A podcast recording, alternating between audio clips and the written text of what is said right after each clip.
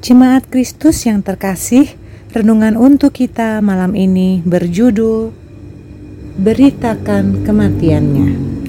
Dan bacaan kita diambil dari kitab 1 Korintus 11 ayat 23 sampai 26.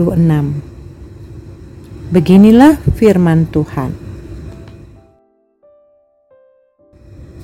Sebab apa yang telah kuteruskan kepadamu telah aku terima dari Tuhan, yaitu bahwa Tuhan Yesus pada malam waktu ia diserahkan mengambil roti dan sesudah itu ia mengucap syukur atasnya.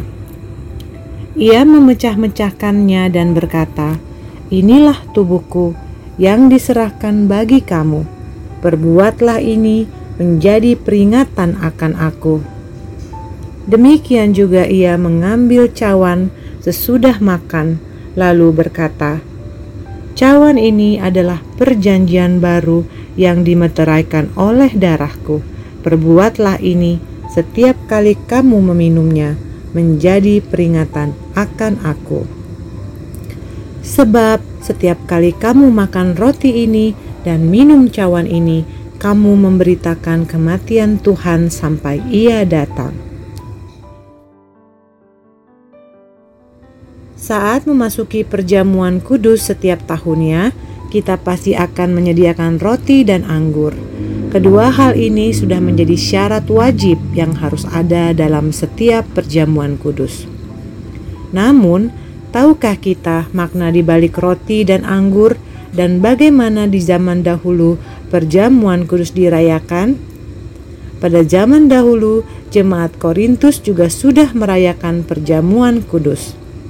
Namun sayangnya, perjamuan kudus yang mereka adakan dilakukan dengan cara dan sikap yang salah. Mereka tidak memaknai perjamuan kudus sebagai sarana untuk peringatan akan Kristus. Sebaliknya, momen ini menjadi kesempatan bagi mereka untuk makan dan minum-minum anggur sepuasnya. Mereka melampiaskan hasrat kedagingan dalam sakramen yang kudus. Tentu saja Paulus menegur hal itu. Paulus tidak ingin jemaat menjadikan perjamuan kudus sebagai ritual keagamaan belaka tanpa pemahaman makna.